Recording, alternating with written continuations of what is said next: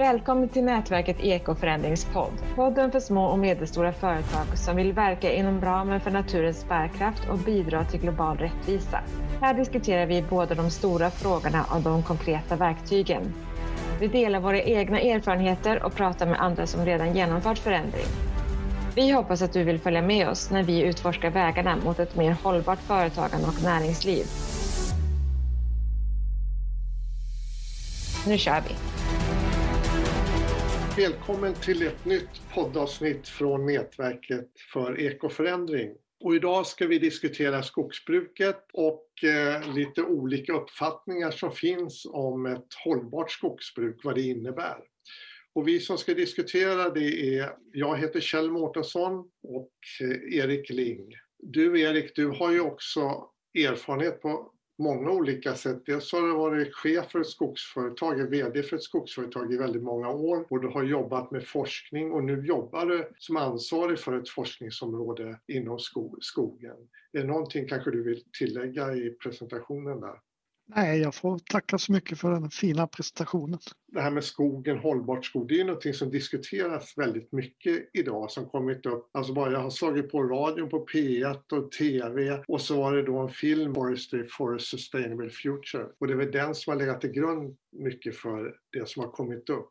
Sen på ekoförändring så har vi en essäsamling och där har du skrivit just om det här som det handlar om, som har titeln Det goda för, förvaltarskapet, skogsförvaltning ur ett värdegrundsperspektiv. Och det är just de här, de här två perspektiven som, som gör att man inte liksom når varandra så har jag uppfattat det. Hur, hur, ser du på det om du, om du utvecklar det? Ja, precis som du säger så har det ju en längre tid varit en, en väldig polarisering har, har jag upplevt eh, i, i diskussionen om hur vi ska förvalta skogen. Och det är ju såklart ett antal motstående mål som kanske inte i alla avseenden eh, är kompatibla med varandra. Däremot upplevde jag väl att debatten var väldigt polariserad och då eh, drev jag hypotesen att det kanske kunde bero på att man har olika värdegrund i botten. Ett människocentrerat,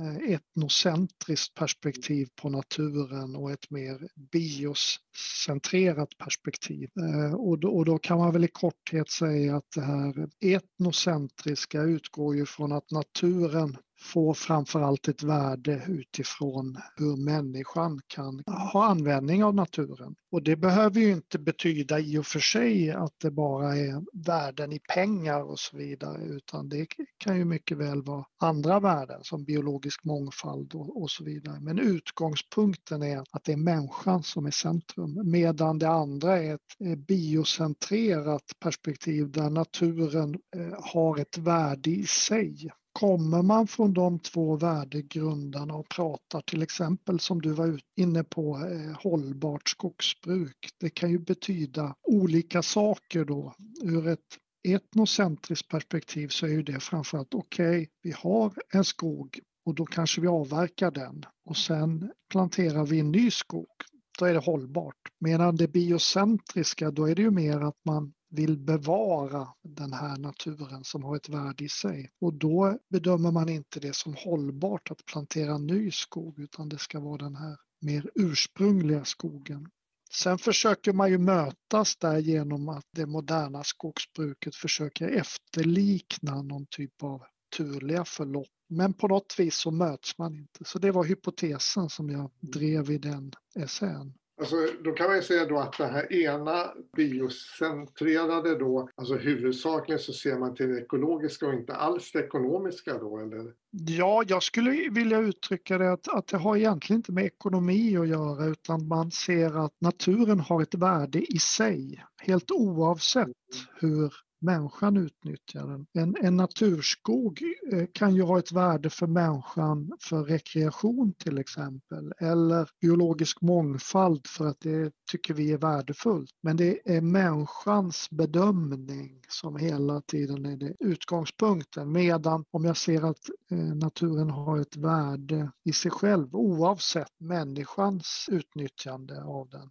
då, då, får man lite olika perspektiv. Och det här är ju såklart två ytterlighetsståndpunkter och de flesta ligger ju någonstans mittemellan. Men jag tyckte den där dragningen var lite intressant för att förstå det, det här att skogsbruket tycker att det är en hållbarhet för vi återskapar ju en skog. Vi försöker efterlikna en naturlig skog. Ja men då så. Medan har du det andra perspektivet så är det ju som jag sa, då, då, då ska man ju bevara någonting för det har ett eget värde. Men om man då ser på de här eh, rent praktiskt, till exempel kalhyggen och eh, att det är väldigt monokulturer. Skogsbruket retar ju upp sig när miljörörelsen säger att det är monokulturer och plantager. För att mm. i strikt mening är det ju inte det utan det är ju blandskogar och man, man sparar delar medan miljörörelsen retar upp sig eh, på skogsbruket när man menar att vi återskapar skogen eh, som den har varit för det blir ju något annat. Och, och det är väl kanske mycket att man spetsar till ord, ordvalet där som gör att, att man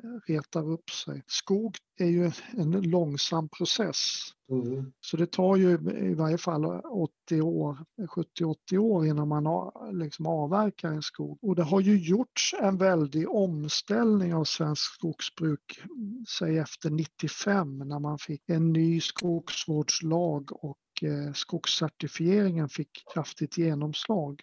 Och då tror jag det finns en polarisering i också att om du diskuterar den skog som eh, skapades 50, 60, 70-talet som nu då är 40-50 år, då ser ju den ut på ett sätt som mycket mer monokultur och mer plantagelik än den skog som har etablerats efter 95. Och då, då blir det ju lite frukt löst kanske att diskutera det som gjordes för 50-60 år sedan mm. utan att man tittar på det som görs idag. Eh, och ett litet tillägg där är ju också att 50 procent av Sveriges skog ägs ju av små skogsägare. Så det är ganska mycket och mm. den sköts ju allt från väldigt rationellt naturligtvis till mer av lite mer hobbybetonat. Det finns ju en väldig variation där också. Så en viktig sak tror jag är att vi pratar om samma sak så att säga. Att det kan ju irritera om vi pratar om, om saker som etablerades på 60 och 70-talet. Då kanske många av de som brukar skogen nu inte ens var födda och så ska man liksom ta ansvar för det. Då, då vill man hellre från skogsbrukets sida diskutera det som har gjorts nu sista tiden eller sista 30 åren och hur kan det förbättras då istället för att börja lyfta fram, fram hormoslyrbehandling och så vidare och, och höj, hyggesplöjning och sånt som inte har förekommit på 50 år. Sen är ju inte allt perfekt nu. Absolut inte. Det finns ju möjligheter att förbättra man, man, man ska ju utvärdera allt hela tiden men prata om samma saker, det tror jag är ett första steg att komma framåt. Jag arbetade ett projekt med askåterföring och då kommer jag ihåg att vi mm.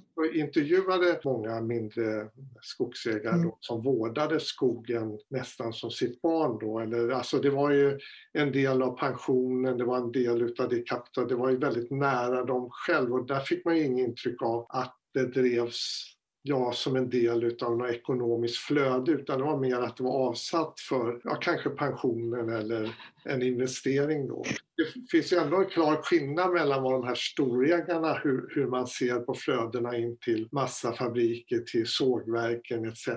som inte mm. finns hos en del. Man brukar ju skilja på om du så att säga behöver skogsbruket för ditt uppehälle. De här skogsföretagen behöver ju det för att skapa resultat. Men många privatägande, de behöver ju inte det i sin vardagsekonomi precis som du säger, utan det kan ju vara att man ser det som en investering framåt. Det är ingenting som behöver göras i år för att få lön och så. Men det varierar ju som sagt men det finns ju ett ökande antal skogsägare som inte behöver skogen för sitt mm. uppehälle om man uttrycker sig så. Skulle man kunna tänka sig en helt annan typ av skogsbruk eh, där man närmade sig den här andra sidan mot biodiversitet omloppstider etc. och hur man avverkar. Var går gränsen för lönsamhet? Skulle man kunna tänka sig att man ändå kunde ha löns att priserna då mer blev hållbarhetspriser? Visst skulle man kunna tänka sig att eh, fanns en marknad som drev så skulle man ju kunna förändra och jag skulle väl säga att certifieringen har ju förändrat skogsbruket radikalt och det är marknadsdrivet. Det är, det är en väldig diskussion om kalavverkning och, och jag ärligt talat så, så om man upphörde med det så skulle några problem möjligen lösas men, men långt ifrån alla. Det är en väldigt känslomässig koppling till kalhyggen. Det blir ju en radikal förändring. Samtidigt har man ju alltid nära till skog i Sverige. Så, så jag, jag, tycker det är lite överdramatiserat just kalhyggena. Och som de ser ut nu så lämnas det ju hänsyn och evighetsträd och, och högstubbar och så vidare för att försöka efterlikna ett naturligt förlopp. I och för sig så ser man väl bara då att de står där lite ensamma. Ja, det är väl sant, men, men är, det, är det estetiskt eller är det kopplat till verklig ekologi och biologi? Det, det kan man ju fråga sig. Man kan ja, alltid tycka att det är fult, det är väl en sak. Men hur, hur, ser du på framtidens skogsbruk? För att på något sätt måste ju de här sidorna... Det som är väldigt viktigt tycker jag är att skogsbruket in, intar en alltför kraftfull försvarsställning utan plockar upp det som är relevant och viktigt. Och det finns ju såklart relevanta delar i det här. Och det, det tråkiga är väl om man trummar på väldigt